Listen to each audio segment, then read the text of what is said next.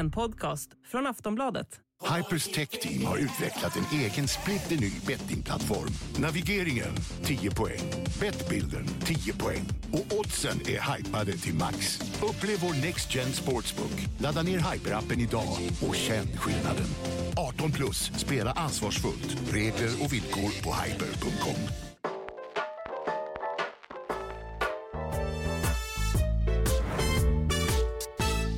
Hallå där! Varmt välkomna ska ni vara till eh, Hockeymorgon. Jag hoppas ni har en bra tisdag oavsett vart ni befinner er i vårt avlånga land. Eh, för nu ska vi snacka hockey en timme och det ska vi göra med Robin och eh, Knäckta. Välkomna, god morgon. Hoppas att läget är bra. Ja, absolut. Är det bra med dig? Ja. Lite sent. Lite sent? Ja, har, har, du sett hur det ser ut ute i stan? Eller? Ja, Snökaos. Har de, har en bit att åka också. Så att, uh, ja, det, det var många som satt och svor kan jag säga, i, i, i Stockholmstrafiken. Uh, jag, jag, tror att uh, ni som bor i övriga delar av landet också känner igen er kanske. Um, de älskar ju när stockholmare gnäller om att det är snöigt också. Ja, men nu har det också snöat i tre månader. Ja, du kan ja, väl intyga att det, det är inte trevligt här just nu? Nej, det är det inte, men snöat i tre månader. Det var en överdrift. Två och en halv. Eh, vi har mycket att prata om i, idag. Vi ska eh, faktiskt bland annat eh, eh intervjua eh, vår förbundskapten i Kronor, Sam Hallam. Det ska bli väldigt intressant. Eh, vi ska kika lite på bottenstriden i SHL, fördjupa oss kring det. Och Sen ska Robin berätta hur eh, Hockeyallsvenskan slutar. så det är en av de kanske mest spännande programpunkterna idag. Vi får se vad du landar i. Ja, det blir kul. Jag tänker vi ska börja med det som kanske är liksom mest aktuellt, även om det eh, skedde för ett par dagar sedan. Det var ju den här incidenten mellan SSK och eh, AIK. Det har ju varit eh, flera incidenter i år i Hockeyallsvenskan. Och i det här fallet då en ja, vad ska vi kalla det för? En liten rökpuff från AIK-klacken där jag som såg matchen ändå upplevde att, att det var väldigt lugnt i, alltså i samband med att den här briserade och framförallt efter. Men att det blev någon form av väldigt lång pass passivitet. Alla skulle lämna och så tog det 45 minuter att spela klart fyra minuter. Um, jag, jag, ställer mig lite frågande till varför man inte kan ha en större känsla även om jag på något sätt inte ursäktar att någon drar av en sån grej på en läktare så kan jag väl tycka att känslomässigt så här, ni ser ju att det är kolugnt, matchen är nästan över, alltså spela bara. Ja, var det inte nästan så att fler eh, Södertälje-supportrar gick hem för vad ska de eh, sitta och vänta sista minuterna liksom i 40 minuter om det ändå ser ut som att de ska vinna. På något sätt måste man ha lite spelsinne tycker jag. Eller, jag vet inte. Så här kan det inte vara i alla fall. Men är, är liksom ligan, eh, Hockeyallsvenskan i det här fallet och SHL också såklart, men är de lite tagna på sängen här? Vet de inte riktigt vad de ska göra när det blir den här typen av ordningsstörningar? Ja, men vi har väl en eskalerande problematik med pyroteknik på hockey. Eh, det passar ju inte riktigt inomhusmiljön. Alltså det är ju inte jättesmart att dra en bengal eller en sån här eh, rökvariant naturligtvis. Eh, men det var ju, inte, det var ju liksom inte fullt mig hem på läktarna utan det var ju bara, alltså, det som hände sen var ju att då stod ju liksom 30 kvar och var så nej men jag tänker inte dra.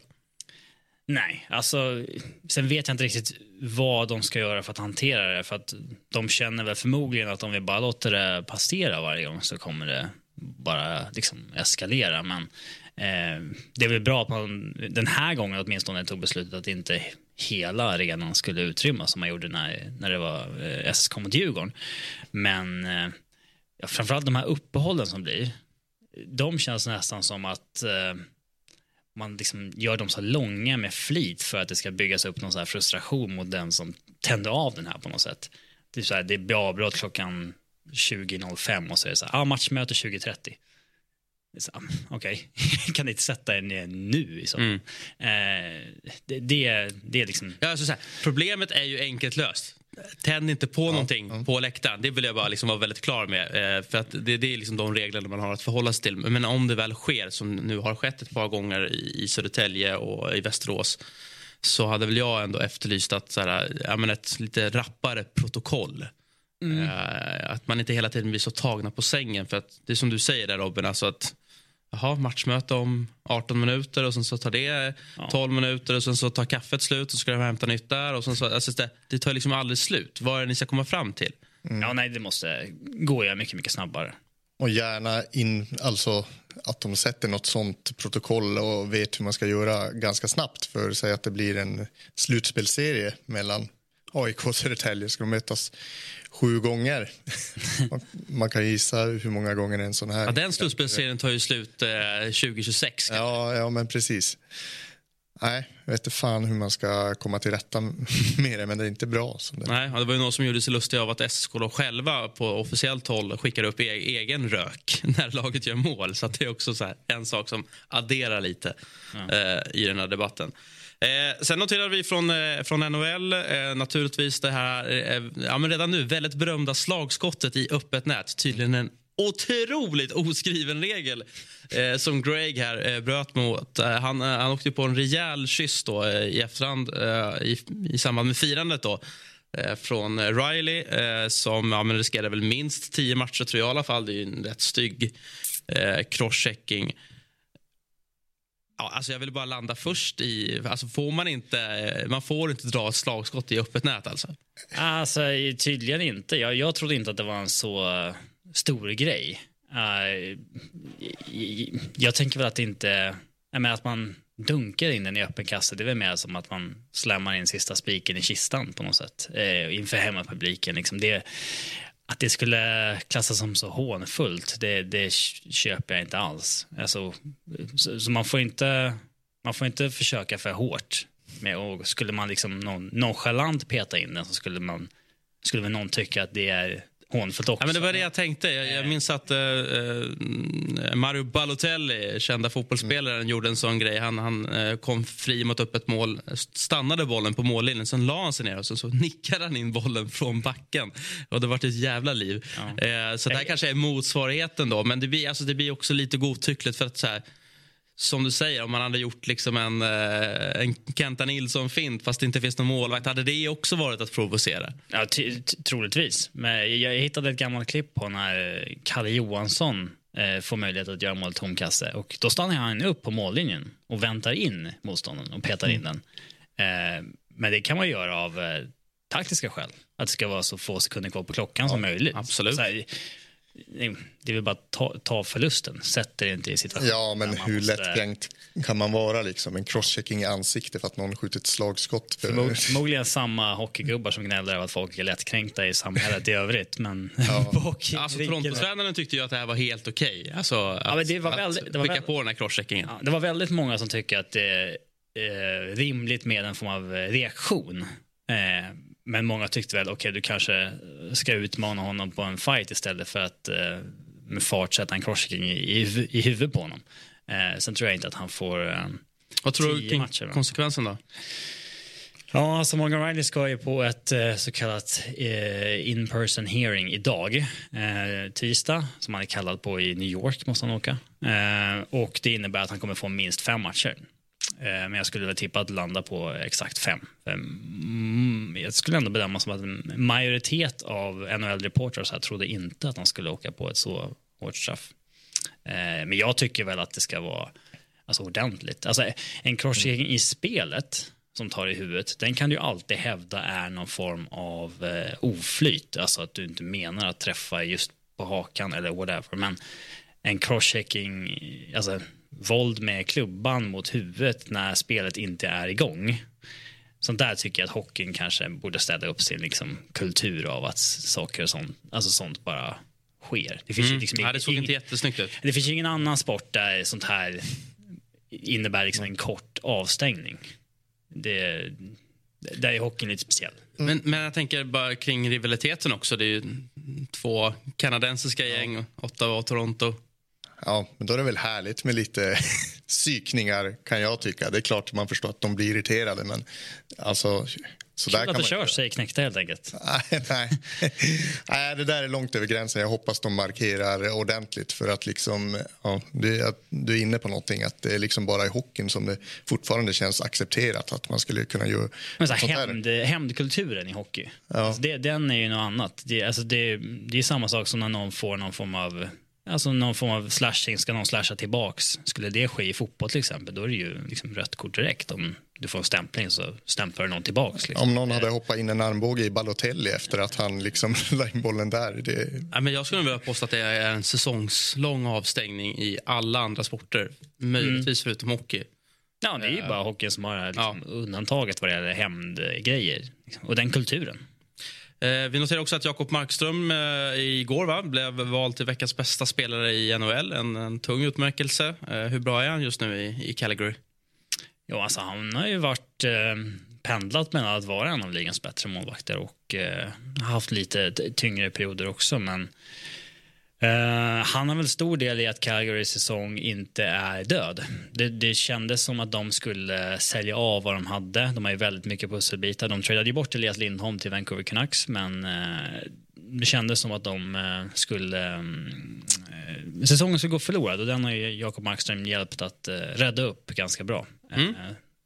Mm. Härligt. Jag ser att Sam Hallam kollar till eh, växterna kanske? Eller släpper du in lite ljus här? Ja, det gör du kanske Sam. Ja, det gör mest tror jag. Välkommen! Eh, kul att du ville vara med oss i, i Hockeymorgon. Jag hoppas att eh, läget är bra med dig. Absolut. Eh, jag tänker så här, eh, nu har vi gått lite tid nu, men, men kontrasten kring att träna klubblag och, och, och landslag, har du hunnit landa i någonting där? Är, är det någon skillnad? Är man bara fortsatt liksom hockeytränare eller har du hittat någonting som sticker ut? Det, det är väl en jättestor skillnad i hela rytmen av året. Eh, jag sitter här nu eh, på morgonen och, och snackar med Eh, annars hade man suttit ner på, i tränarrummet nu och eh, förberett en, en dag och en träning. Så hela rytmen och hela vardagen är väldigt annorlunda. Sen är det fortfarande hockey. Det är fortfarande det det kommer ner till att sätta ihop. Eh, få ihop ett gäng eh, spelare och spela efter ett förhoppningsvis hållbart system och trivas ihop och ha kul. Så det är exakt samma sak som spetskompetensen går ut på men det är en ganska stor skillnad i vardagen. Mm, ja, men precis. Jag tänker liksom kring att du har liksom, ja, kortare tid med samlingarna och sen också att det är eh, ja, men en rätt stor rullians. Att truppen förändras ju mycket mer i ett landslag än vad den gör i ett klubblag. Ja, och det, så är det ju. Men eh, fortfarande så är det ju oavsett tid så handlar det om att det är samma sak. Eh, få ihop ett gäng, eh, försöka eller sätta upp ett mål, jobba mot det eh, och spela, försöka spela så konsekvent som möjligt och, och vinna hockeymatcher. Så i grund och botten är det exakt samma.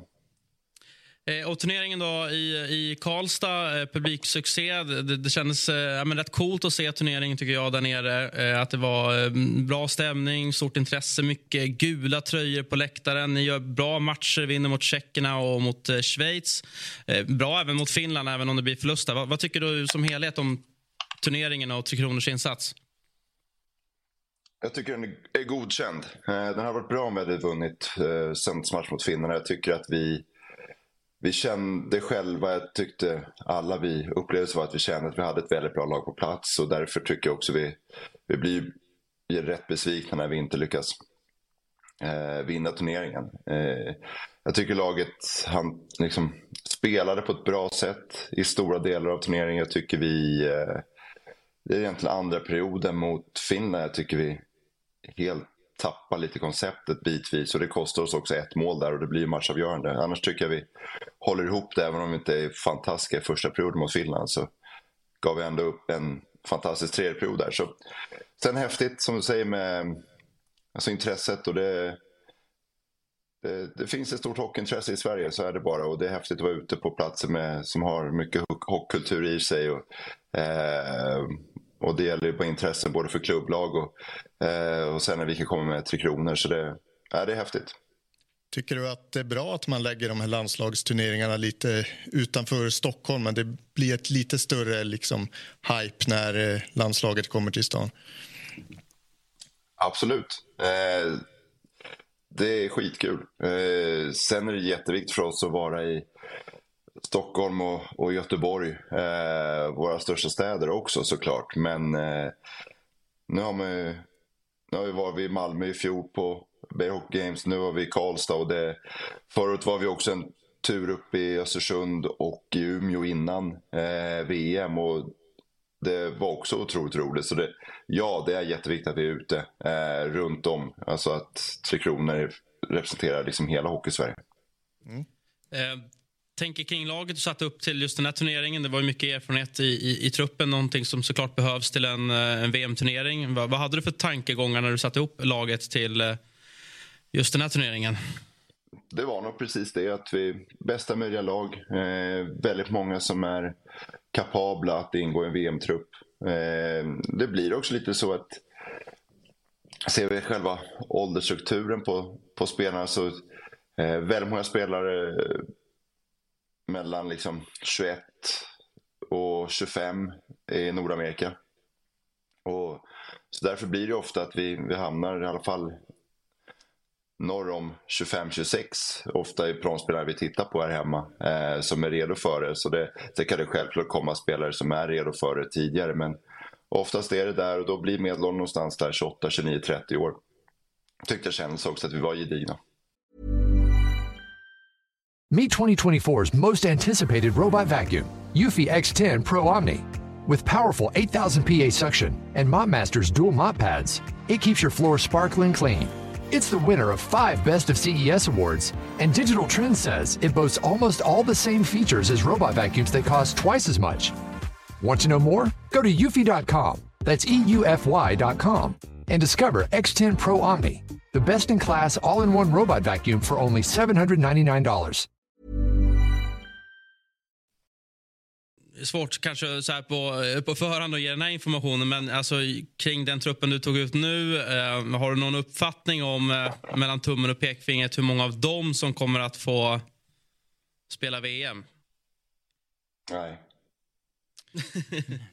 men ser du det som viktigt att eh, spelare som har ställt upp för landslaget i Kajala Cup, Beijer Hockey Games och så vidare eh, belönas med någon form av chans att spela VM och att man inte enkom ta in NHL-spelare sen när det är dags. För att vi har ju över 100 spelare i NHL så att eh, möjligheten finns ju att fylla ett lag eh, i princip bara med NHL-spelare om, om, om, alla ställer upp.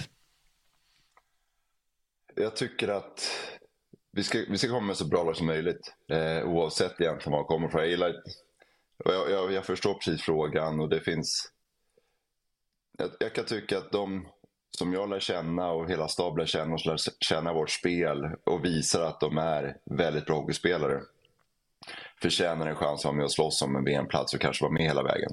Eh, och sen är det väldigt svårt att... Du, du blir ju inte en bättre spelare bara för att du tar flyget över Atlanten. Eh, och har gjort en säsong där borta. Vi har många spelare här hemma, eller som i den här turneringen, som har gjort ganska många NHL-matcher. Eh, har ganska många säsonger där borta men har valt att spela i Europa av olika anledningar. Eh, så det är svårt att bara säga NHL Europa. Eh, vi vill ha bästa möjliga lag. Vi, vi vill ha in spelare från NHL, absolut, till VM. Men jag tror också vi kommer se ett antal spelare från den här truppen vi hade nu också spela VM.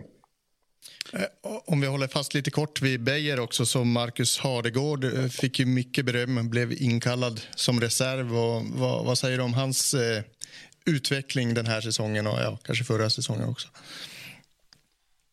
Den är bra, så eh, lite försiktig med att uttala mig sådär med eh, om spelare i andra klubbar och utveckling och så här, men det är ju en, i grund och botten en väldigt offensiv skicklig spelare som har byggt på sig liksom mer en helhet, ett bättre försvarsspel kanske jobbat hårt med att utveckla sin träning och, och sista åren. Det ger resultat nu. Så det, eh, det finns bi, liksom, steg kvar att ta eh, för att lyfta upp sig ytterligare nivåer. Men det är häftigt att se just utvecklingen som du säger.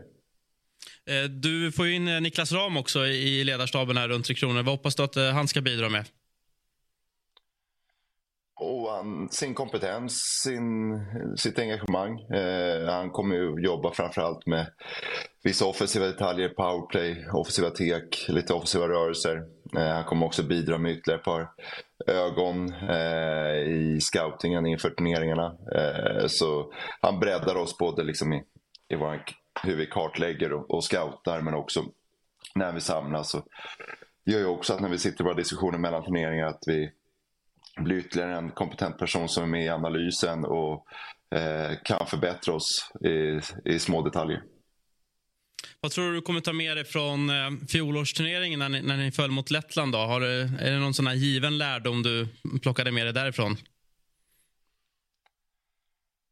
Ja, det är det. Eh, sen, vissa är väl lite systemsrelaterade. Eh, vad behöver vi göra eh, från mitt håll, från oss coacher, för att ge spelarna bästa möjliga förutsättningar. Eh, sen också den lite mentala resan in eh, under VM, hur vi lägger upp eh, planeringen och sådär. Och, och sen hur vi, hur vi tittar på när vi tar ut truppen. Och, eh, så det, vi lärde oss jättemycket tycker jag eh, under förra VM. Eh, det är inga garantier på någonting men eh, jag garanterar att jag tror vi kommer vara bättre förberedda. Sen är det upp till oss att leverera när vi väl är där.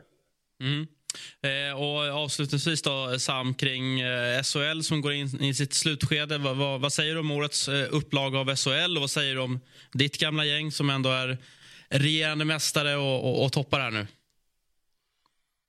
Ja, den Alltså SHL, SHL som helhet är väl väldigt tävlingsinriktad. Eh, det är väldigt tätt och tajt även om det har blivit en uppdelning i eh, tabellen här. Så, eh, det, det, det, är tajt i, i, matcherna helt klart. Du, du måste jobba väldigt hårt för att skapa någonting. Så det, eh, på så sätt är det jäkligt utvecklande för spelarna att spela här. Om du vill vara en offensiv spelare då måste du verkligen jobba väldigt hårt. Och du får också hela tiden jobba med dina taktiska eh, detaljer i försvarsspelet. Så det, det är en bra utbildning. Eh, Ser vi specifikt till mitt gamla gäng så ser de ut som vanligt. Eh, de är väldigt tydliga, eh, väldigt eh, starka, hittar sätt att vinna hockeymatcher. Så jag tror de andra lagen är förvarnade. Ser du något Sam Hallamskt kvar i Växjö eller? Nej, jag vet. Så jag ser att det är kloka människor som jobbar eh, med ett tydligt mål att vara bäst. Eh, och det är väl ett ganska framgångsrikt recept. Hur, hur mycket SHL-hockey ser du nu för tiden? Eh, som förbundskapten, åker man runt på många SHL-matcher under säsongen? Ja, eh, det gör man ju. Sen har jag förmånen att ha en kvart till en SHL-arena och där jag alltid får se alla lag får möta ett väldigt bra motstånd här i Växjö eftersom jag bor kvar här nere. Så, eh, men sen åker man runt en del. Min kollega Stefan Klocka kanske är ännu mer eh, ute bland klubbarna. Och, eh, för min del så blir det kanske lite mer både administrativt internt men också lite mer eh, mot Nordamerika och NHL. Och det är också där vi när vi får in ytterligare en, en person i staben, Niklas Ram, att vi kan vara ännu mer på plats. Vi vill vara på plats ute bland klubbarna och, och lyssna eh, och höra och se vad som görs och plocka upp idéer eller kunna svara på eventuella frågor. Så det, det är klart vi försöker vara ute, eh, man är aldrig ute tillräckligt mycket. Men sen så har man ju tur att det, det finns ju digitala sätt att också hinna se hockey. Eh, de här resorna till Nordamerika, handlar det bara om att eh, bygga relationer med eh, spelare eller handlar det om att liksom scouta spelare på plats eller till och med göra studiebesök hos NHL-klubbar och se hur, hur de jobbar och ta inspiration? Jag tror du fick tre i rad eh, där. Det är, det är alla tre. Det, det, självklart så kan du se jättemycket hockey digitalt. men det blir en liten skillnad när du titta på spelare live. Eh, så dels är det såklart att scouta lite. Eh, dels är det jättemycket att, att träffas och få ett ansikte och få en röst och, eh, och få lyssna lite på hur, hur spelarna känner och vad de ser och samtidigt ge vår bild av vad som händer i, inom landslagsverksamheten och inom svensk hockey. Och, men också möjlighet att träffa människor och vara med och lyssna och lära lite i olika organisationer. Eh, härligt Sam. Du, eh, bara kort innan vi släpper det. Jag tänker bara om du blickar ännu längre fram kring eh, OS som kommer här 2026 eh, och, och framtida turneringar när det bara blir liksom NHL-spelare som deltar. Hur, hur viktigt tycker du det beskedet är för, för landslagshockeyn? Jag tror för hockeyn är stort. Jag tror för eh, alltså, hur vi får fler. Eh, barn och ungdomar att komma till, till ishallarna runt om i landet eh, och hur vi får fler föräldrar att bli inspirerade och vill, vill att sina barn ska spela ishockey. Jag tror så för just tillväxten så är det jätteviktigt att de, vi har de här liksom, turneringarna där de största stjärnorna. Eh, det såg vi inte inte minst kanske under Global Series när William Nylander var hemma i Stockholm till exempel, vad det, vad det gjorde för intresset.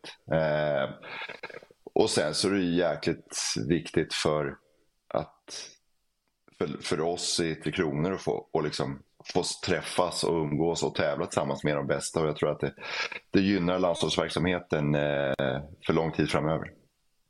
Stort tack eh, Sam eh, att du var med i Hockeymorgon och kör hårt med, med framtida uppdrag. Detsamma, tack så mycket. Det var eh, förbundskapten Sam Hallam alltså, lite efter eh, turneringen i, eh, i Karlstad då, som han tyckte var eh, godkänd. Ja, du var inne lite Robin på eh, NHL-spelare. Rent teoretiskt sett skulle man kunna fylla hela VM-truppen mm. med det. Har vi, har vi några namn, spännande namn redan nu som vi kan slå fast kanske kan vara aktuella? Då? Alltså, de, de allra, allra bästa spelar ju tyvärr ganska givna slutspelslag. Eh, ja, det känns logiskt. Så, så är det ju. Eh, alltså våra bästa spelare. Ehm, men de som är den bästa spelaren som potentiellt missar är väl en Filip Forsberg kanske i Nashville. Eh, där spelar ju även en Gustav Nyqvist. Så de skulle ju kunna ha ledande roller om de väljer att komma såklart.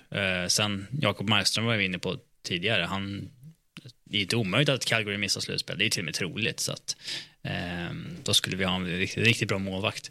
Ehm, sen får man se om de är sugna eller inte. Det där brukar ju gå i, i, i cykler, huruvida VM är intressant. Ja, jag får lite intrycket av att vart turneringen spelas oftast är rätt avgörande. Nu eh, går den ju i, i Prag och Ostrava.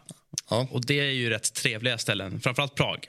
Ja, precis. Eh, jag ska själv dit och Sveriges grupp eh, ska spela i Ostrava som kanske inte verkar... Inte lika trevligt. Nej. Eh, det ska bli kul det också. Eh, men stora höjdpunkten som jag ser fram emot är ju framförallt ja, men VM som är, går här i, i Sverige nästa år och fyrnationsturneringen som kommer bli av nu då med NHL-proffs. Mm. Mm. Ja, det är mycket att blicka fram emot. Vi ska notera också att Ryssland och Belarus inte heller den här gången eh, får vara med. Ett rätt väntat eh, beslut om ni frågar eh, åtminstone mig och jag misstänker det. Jag ger er svaret, mm. även er två. Mm. Eh, ska vi ta lite SHL-grepp kanske ändå? Eh, det, det, det, blir ju så här på slutet av säsongen att, att det blir lite mer intressant tycker jag ändå mm. kring botten.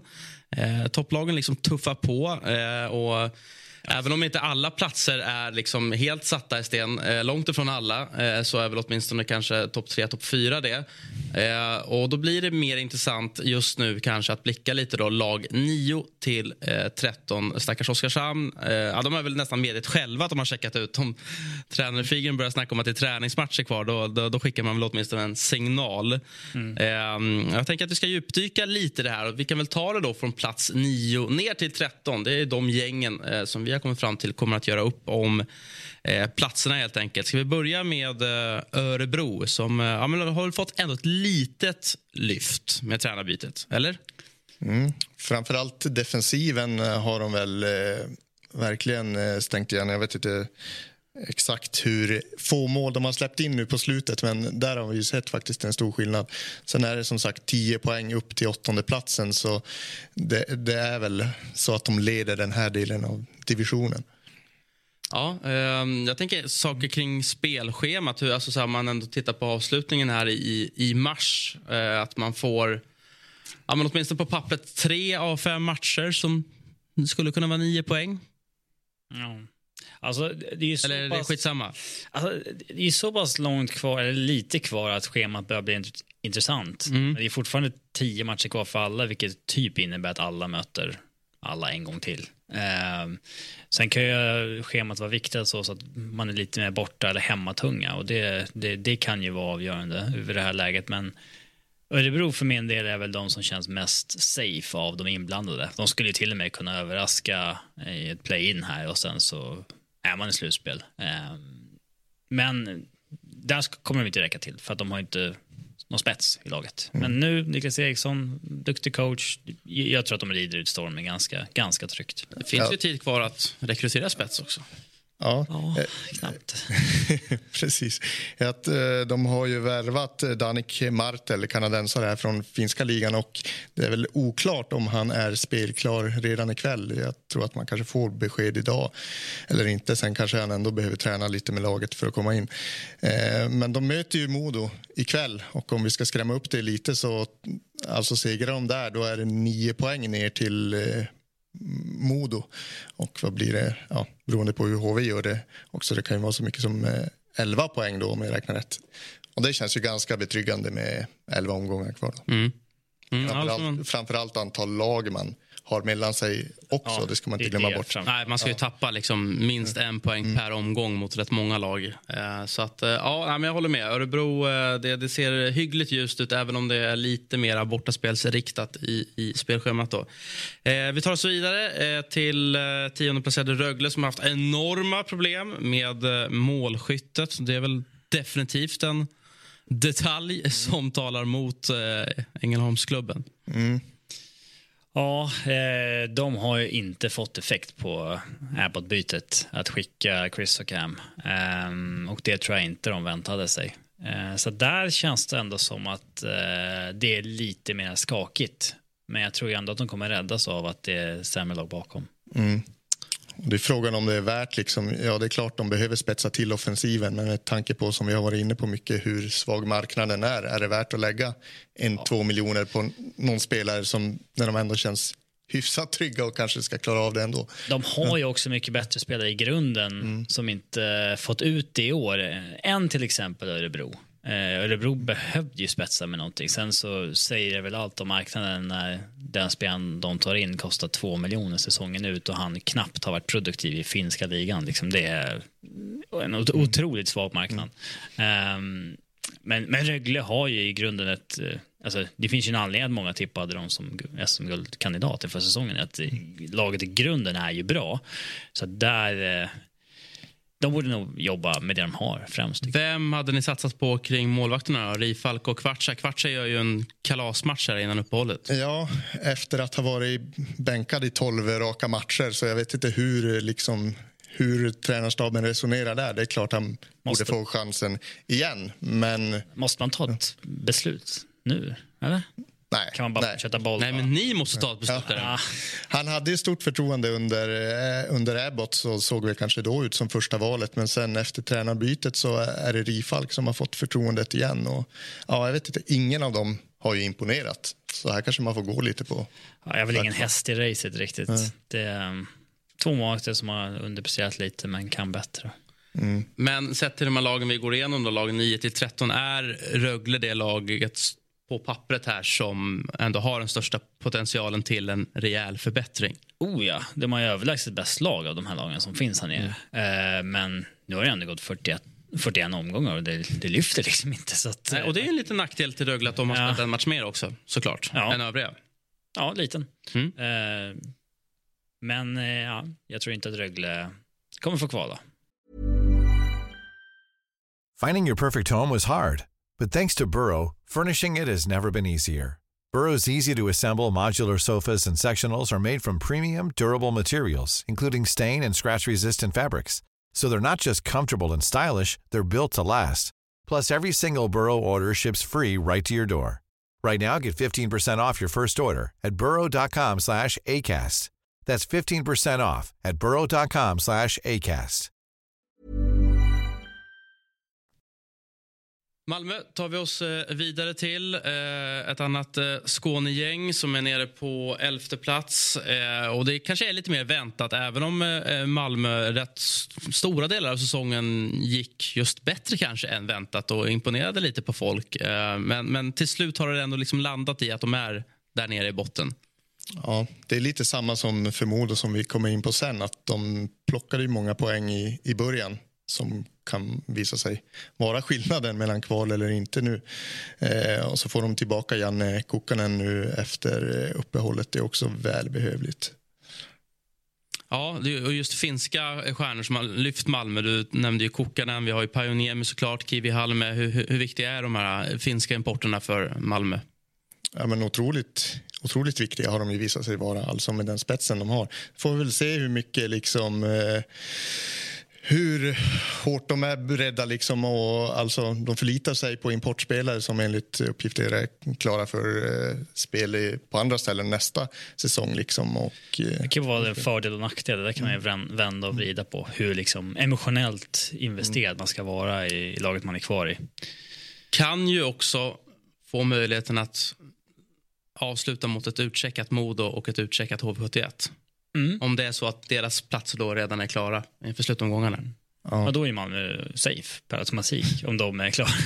Så att, eh, Det kan ju bli rysaravslutning deluxe där. Alltså Modo i näst sista och HV i sista. det vore ju kul om alla var inblandade Ja. när, när det blir så. Mm. För oss neutrala som Ja. tittar på. Och Malmö som också har en rätt stor rutin och erfarenhet kring att liksom krångla sig kvar i rätt kniviga bottenstrider. Ja, det blir ju inte samma ångest, panik i en organisation om man är där som det kanske skulle bli ett Rögle om de eh, gled ner det nu. Även om de har den historiken från förr så har de nog vant sig med att inte vara det laget längre under Abbott-eran. Vad sätter du Malmö efter 52 matcher? Ehm, jag sätter väl dem... ehm, ja, där de ligger nu kanske. Det känns ju som att det börjar stå mellan de två lagen som vi har kvar. Faktiskt. Mm. Spännande. Vi har några gäng kvar där nere. Eh, och eh, Modo är ett av dessa som, som ja, men nästan alla hela tiden säger att de, de har spelat den här säsongen med en eh, hockeyallsvensk eh, trupp. Eh, och, och med det sagt så tycker jag personligen att det är rätt imponerande att det, att det inte är de som är liksom Oskarshamn. Eh, vad säger vi om, om eh, Modos eh, chanser till att liksom undvika den där eh, trettonde platsen? Ja, det, till en början är det lite anmärkningsvärt. Liksom, eh, sista omgången här inför landslagsuppehållet. HV vann med 10-1 och Modo förlorade med 6-0. Så helt plötsligt så var Modos liksom ganska betryggande målskillnad mot HV71 som bortblåst. Och nu har de till och med sex mål eh, liksom, mer i minus än eh, HV71. Eh, och det skiljer ju två poäng mellan dem. Så nej, för Modo blir det här verkligen... De är väl sista 20 omgångarna till och med formsvagare. Ja, jag tänkte precis nämna det. Eh, och just det här att man ändå har försökt att spela samma spel som man gjorde eh, i Hockeyallsvenskan. Är det läge att liksom revidera det här lite nu och spela överlevnadshockey istället? Ah, Jag vet inte om det är... Jag tycker väl det där är lite liksom, klyschor man, man, man slänger sig med kanske. Jag, jag, jag trodde absolut inte att Modo skulle glida ner här. När vi tittade på det för 20 omgångar sen så trodde väl jag snarare att de skulle vicka lite uppåt i tabellen. Eh, För att eh, Kalin är en riktigt, riktigt duktig coach eh, och Visst, det är ett hockeyallsvenskt lag och de har inte prickat rätt på sina eh, importer, de som skulle vara spets. Eh, Men i grunden ett så pass mycket stabilare lag än Malmö, HV och ja, då Örebro i alla fall. Så jag, jag trodde verkligen inte de skulle glida ner här, men det tar väl ut sin rätt över tid att de inte har de här spetsspelarna.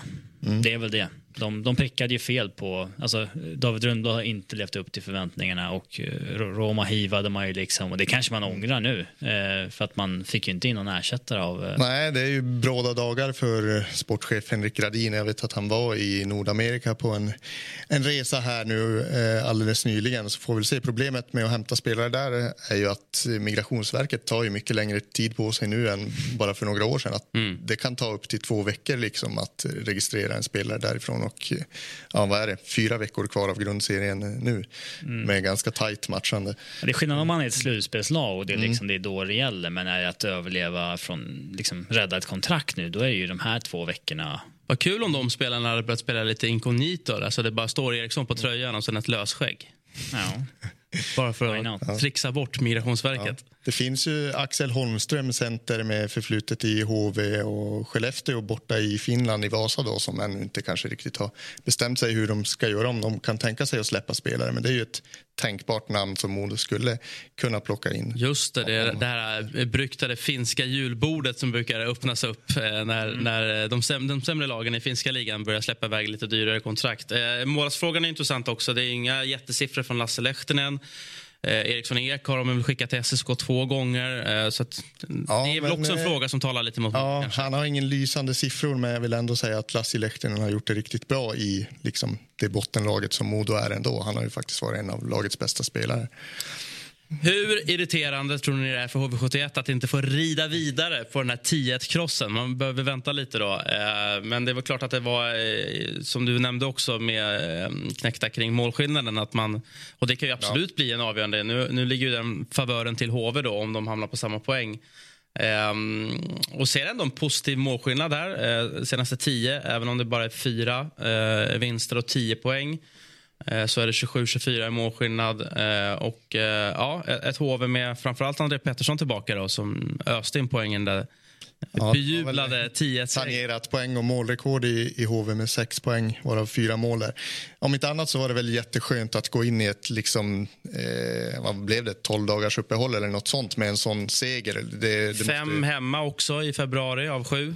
Eh, ja, och det är ju otroligt viktigt för HV som är eh, alltså riktigt usla på bortaplan och ett hyfsat nästan, ja, övre halvan nästan ett topplag på, på hemmais. Så, så det har ju verkligen varit deras akilleshäl den här säsongen och är ju egentligen rent krasst liksom, om man tittar statist, statistiskt anledningen till att de ligger där i botten det är ju bortaspelet som har varit katastrofalt.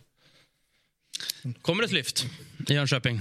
Uh, alltså, I grunden så är de fortsatt ett väldigt svagt uh, lag, tycker jag. Eh, de har ju fortfarande inte fått någon effekt på att de bytt ut Thomas Montén som tränare och så vidare. De fortsätter vara, alltså, om man bara tittar på deras siffror och så där, så är de ett, ett nedflyttningslag. Uh, där, där ligger de klart efter ett lag som Modo.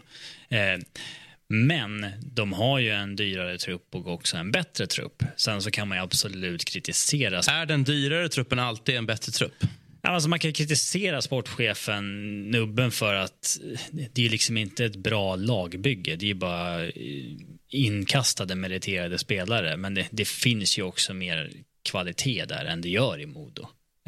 Um, så att jag skulle väl fortfarande ta HVs trupp före Modos, men coachingstaben i Modo tycker jag verkar klart vassare än den i HV. Mm. Eh, så det där blir nog på målsnöret, mm. tycker jag. Eh, mm. tror jag. Ja. Vi, vi får... in alltså 12 mars. Ja. Med Malmö. Det är... Ja. Den kommer att bli något alldeles extra kan jag säga. Ja. Framförallt eh, Modo-matchen här också i slutet på februari.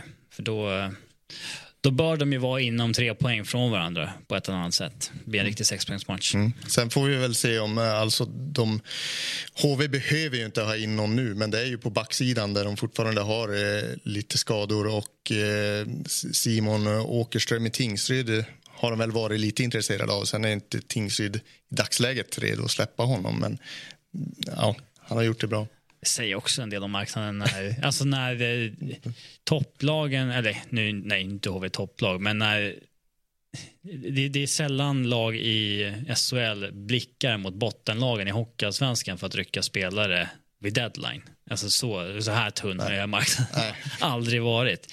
Det är väl liksom slutspelslagen i Hockeyallsvenskan som tittar på en Simon Åkerström så har man konkurrens från mm. SHL mm. plötsligt. Mm. Men det är också intressant med Fredrik Forsberg som de sitter på, mm. som inte får spela alls i HV som har intresse från lag eh, som Örebro, och, men HV ja, inte mm. verkar sugna på att släppa. Nej. Mm.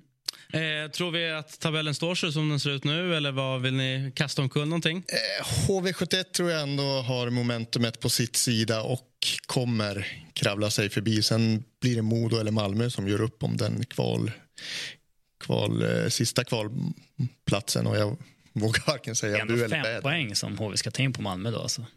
Ja. Det är en del. Ja. ja. Jag, jag, jag tror fortfarande att HV landar på plats 13. Mm. Eh, nästa omgång i SHL har vi kikat på ett par gånger, men den tar vi gärna upp igen. Det är ju eh, sex matcher till antalet då redan ikväll 19 Eh, 0-0 där HV71 är i farten då. Bortasvaga HV mot eh, Färjestad. Kan väl bara sluta på ett sätt, tänker ni. Jag tänker tvärtom. Det blir en liten skräll i Karlstad. Eh, och sen eh, har vi då eh, Modo, då, eh, Örebro, som ändå är två lag som vi har nämnt här nu. Eh, och det blir ju såklart poängmässigt en, en väldigt tung match. Mm. Jag ska åka dit faktiskt, så jag kan eh, Ja, då berätta, att, då jag berätta att, att, du behöver åka ungefär nu för att det är, det är väldigt stökigt ute. jag ska ta tåget, men det är ju inte heller någon garanti. Nej, ännu värre. det var SHL det. Eh, vi ska se hur Robin rankar i, eh, i Hockeyallsvenskan. Då, då tar vi oss till, eh, till toppen istället. Där det har varit en intressant omgång med många och alla topplag i farten. Vi eh, ser att eh, Djurgården då vinner efter förlängning mot eh, BIK. Eh, och eh, att AIK då föll där mot Södertälje. Det är ju fredagens eh, omgång då. Eh, kanske mest anmärkningsvärt Mora som ändå tvålade dit eh, Brynäs med fem mål mot två. Och sen var det väl ytterligare lite matcher då eh, till eh, eh helgen eh, där eh, AIK exempelvis då besegrade eh, Tingsryd. Men Eh, vad säger vi om, om toppstriden nu i Hockeyallsvenskan? Den är ju väldigt, väldigt jämn. Här ser ni för övrigt då, lördag och eh, söndag. Eh, Södertälje fick ingen effekt av segern mot AIK exempelvis.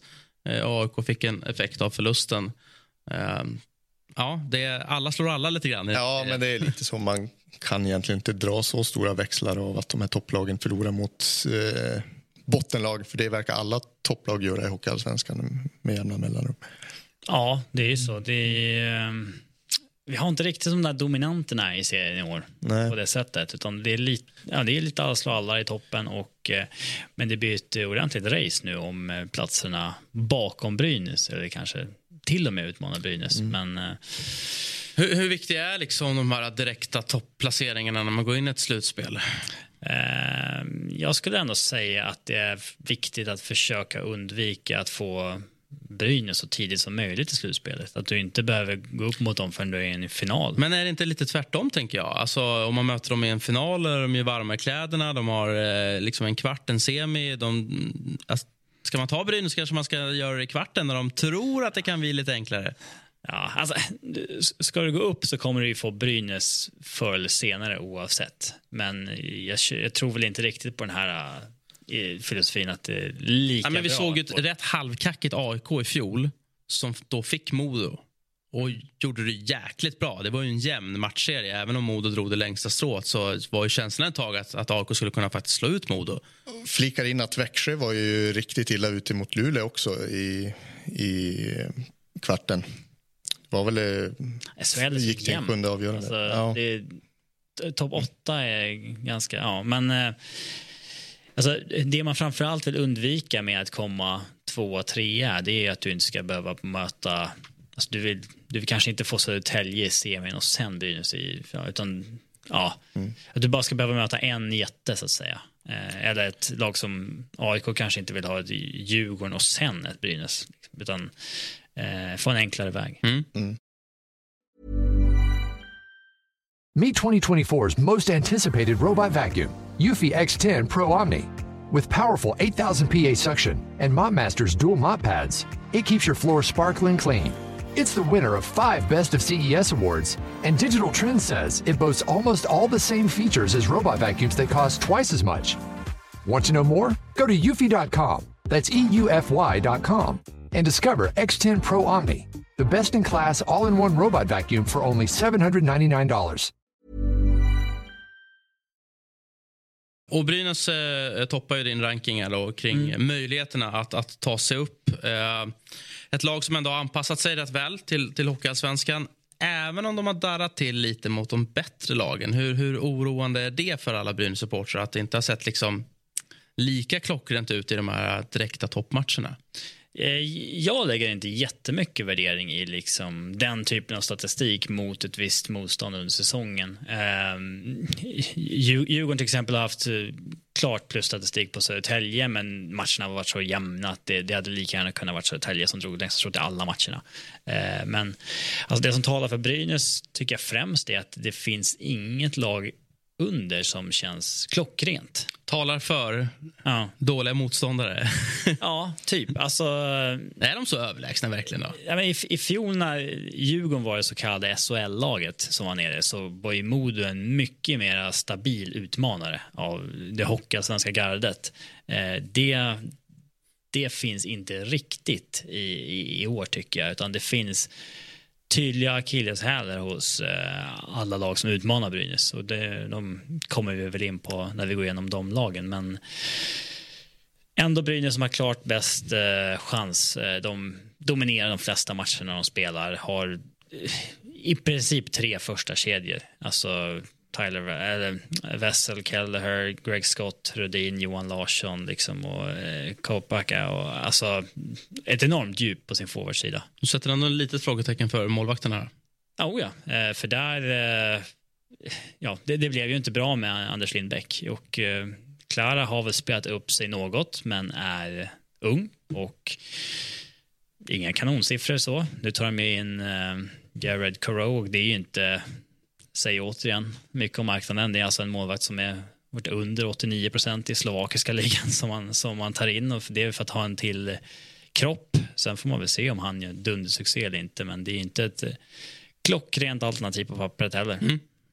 Eh, vi kommer att ha tre lag med 15 procents eh, mm. möjlighet enligt Robin. Eh, ett av de lagen är ju AIK.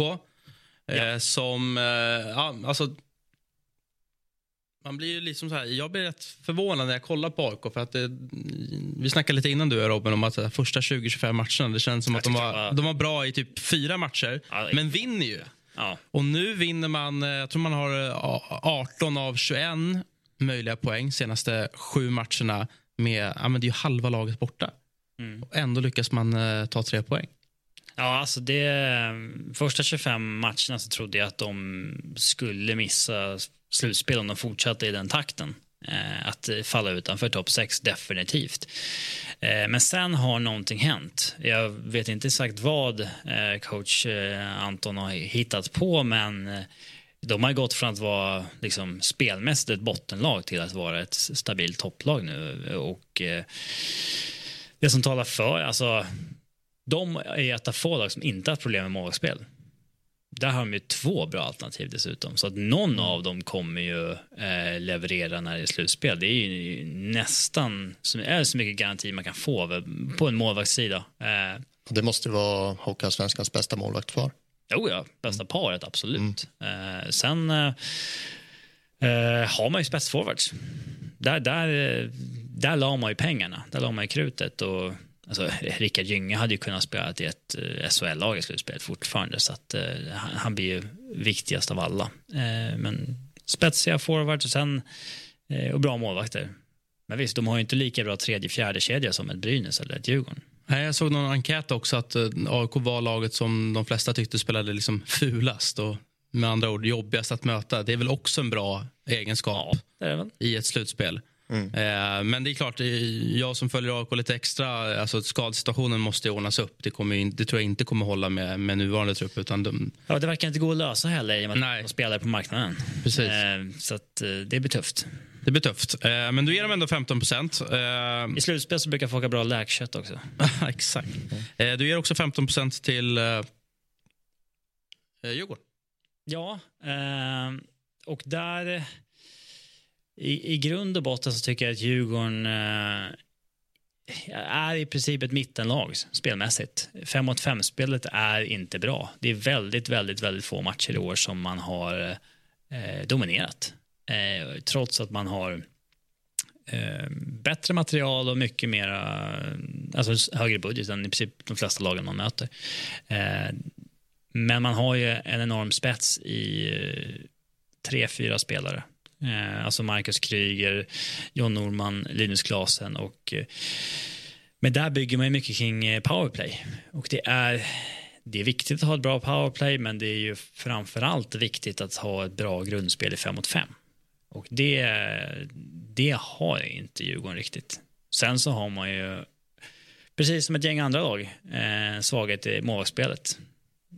Liksom, Andrén har inte varit bra, Hugo Hävelid har inte varit bra nu, nu står man liksom och förmodligen vill satsa på en Karl Ide som man har lånat in tre matcher från Hockeyettan som har varit bättre än de två målvakterna. Eh, sen någon av de här tre kanske har ett bra slutspel. Men det finns lite stålar, men vi har ju nämnt också att det är en eh, tuff marknad. Men kan vi förvänta oss att det händer något mer där kring ja, det är, spelare in? Det är deadline om en och en halv, eh, en och en halv dag, men eh, man har ju tagit in Dahlström och Jakob Ragnarsson, men vi har ju, eller liksom, det, det, har ju kommit in mer pengar än så.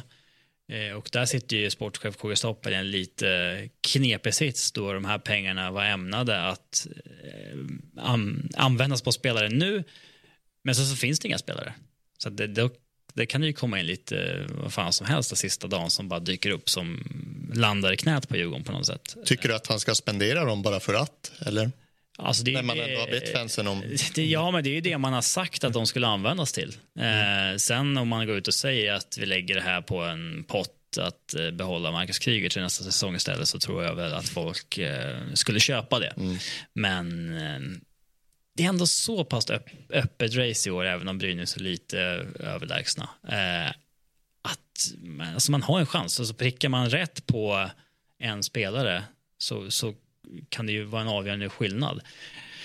Men Djurgården skulle ju behöva en spetsspelare så som kompenserar för att grundspelet inte är så bra. Att man får liksom ytterligare en som kan göra den här skillnaden. Eh, och det, det, det är sällan de lagen som går längst som har det här problemet. Eh, men ja, jag skulle ändå göra ja, del, delad andra plats här med AIK och ett till lag. Ja. Många framgångsrika juniorer som har skärmat här på slutet men ett slutspel är något annat. Hur mycket, hur kan man, mycket kan man förlita sig på dem? Alltså jag, jag hoppas att man eh, vågar förlita sig på dem ändå. För att eh, det, det finns ju inte... Jag ser ingen anledning just nu att spela typ en John Dahlström före en Viktor Eklund. Eh, jag tycker Viktor Eklund har varit eh, bättre än honom. Eh, så att, eh, där har ju Djurgården ett bra djup. Alltså automatiskt. Jag tror man har använt typ så här 8-10 forwards från J20 i år. Och alla har ju sett okej ut. Där har man en enorm fördel som andra lag inte har. Ett, SSK när de mötte Djurgården, de fick ju typ rulla på 10 forwards för de hade inga juniorer som värda att dra på sig tröjan. Liksom. Det, är- det är ju något annat. Och så till förutsättningar skulle jag säga att eh, SSKs 15% kanske ändå är lite starkare än Djurgårdens och AIKs 15 Det är min åsikt. Vi ser vad du tycker om det, eh, Robin. Eh, talar för bra grundspel och coachning. Eh, målvaktsfrågan dyker upp här igen, men eh, vi är kvar då på de här 15 procenten då för AIK, Djurgården och, SSK.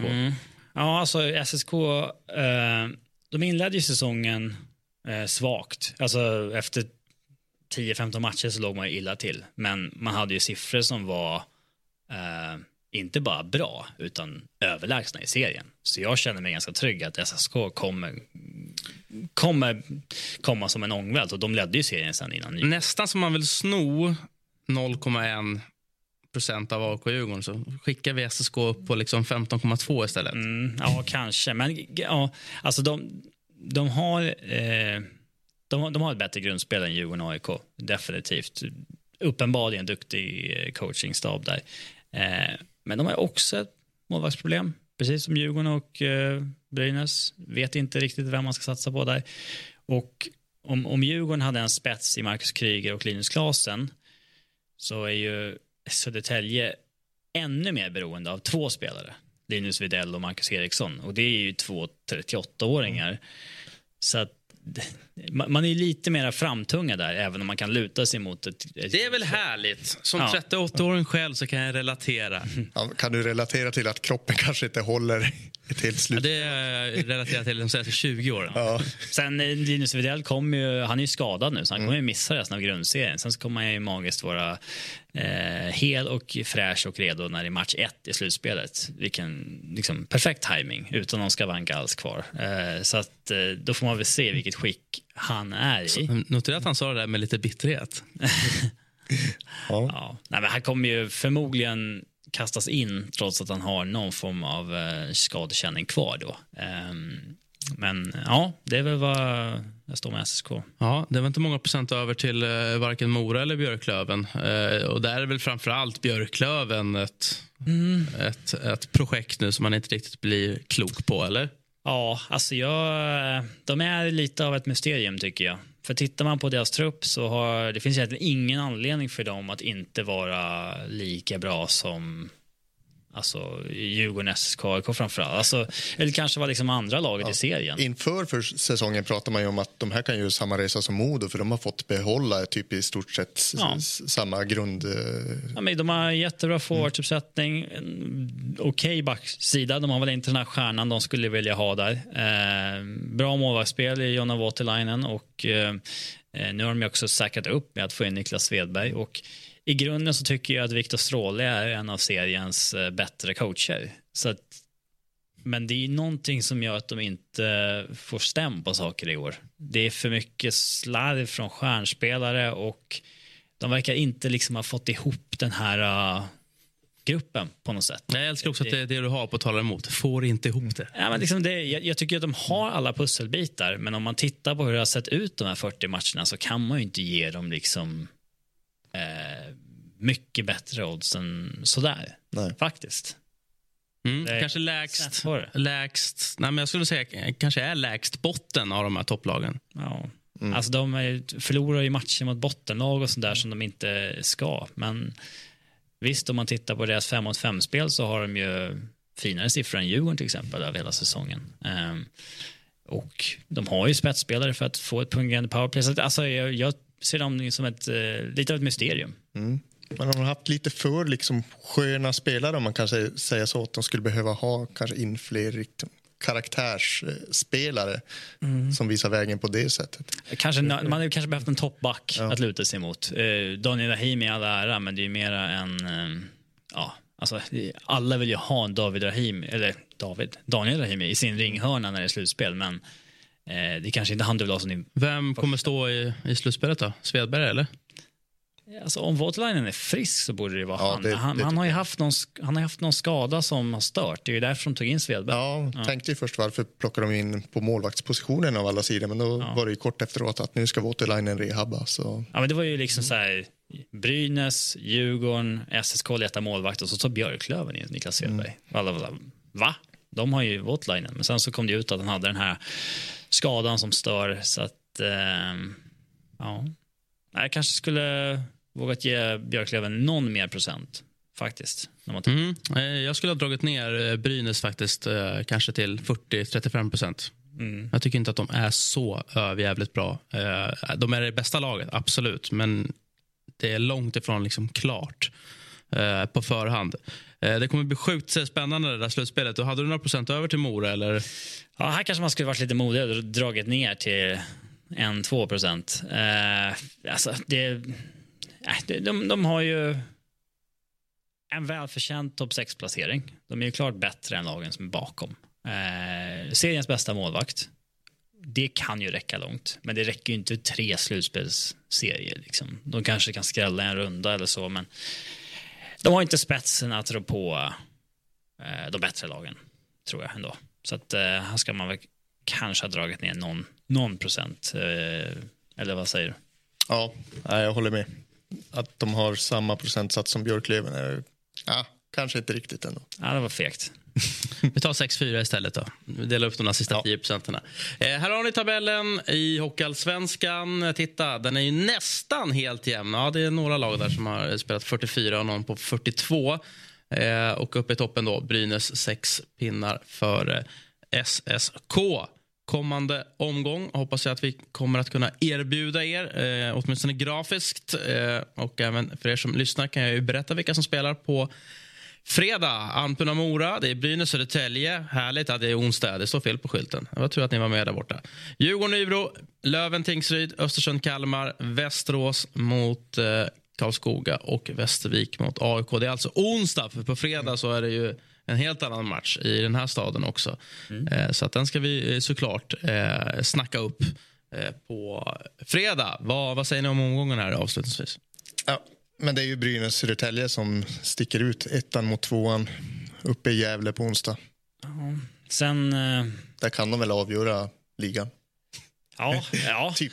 jag, jag är också intresserad av att se vad som händer med Västerås som är fritt fall. Ja. Um, och vad de väljer att göra här idag imorgon. Ja, och eh, precis. Eh, du säger fritt fall. Det får man ju verkligen intryck av när man också har sett bilder på vad som har skett liksom, mellan spelare och supportrar. Alltså, det är inga goda tecken och signaler som, som skickas. Att Konstantin Komarek var i en het ordväxling med någon supporter där efter matchen. Och sen är väl Komarek en av få spelare som ändå klarar sig undan med heden i behåll den här säsongen i Västerås. Ja, men det rimmar ju inte med Västerås självbild att börja sälja av spelare till liksom andra lag i serien. Mm. Men det kan ju också vara väldigt klokt när det knappt finns någon spelare på marknaden så säger du okej, okay, våra tre bästa Ett sätt att ge Västerås mycket bättre förutsättningar att göra något bättre till nästa Ja, säsong det är- är det ju. det är ju- alltså, alltså, det får det- man ju också tänka, även om man såklart kanske inte vill ge konkurrenter fördelar på det sättet. Men det kan nog vara någonting att överväga. Kan, kan man boosta sin egen budget här med liksom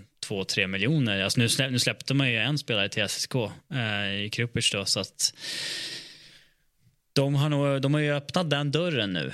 Eh, så att eh, någon mer kanske det dyker upp. Sen tror jag Tingsryd eventuellt... Har du något mer i Västerås då, om, de, om Västerås ska vara smörgåsbordet här nu för, för liksom topplagen i, i Hockeyallsvenskan? Ser du någon sån här given direkt att den här klubben borde ta den här Västerås-spelaren? Alltså grejen är, Komarek är ju deras överlägset bästa spelare, men han har ju kontrakt över nästa år också.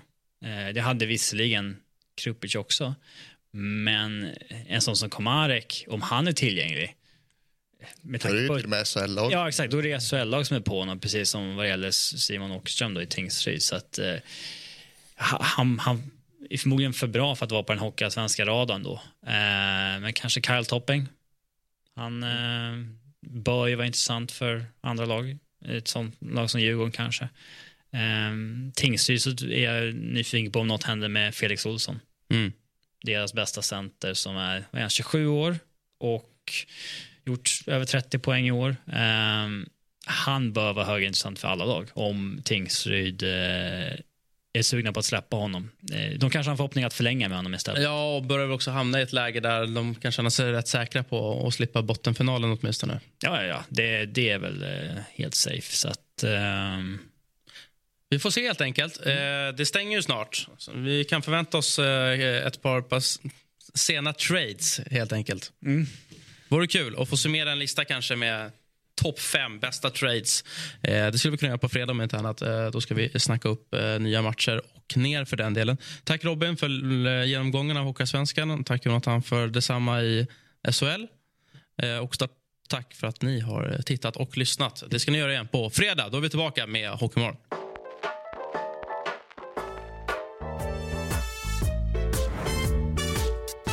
Du har lyssnat på en podcast från Aftonbladet. Ansvarig utgivare är Lena K Samuelsson.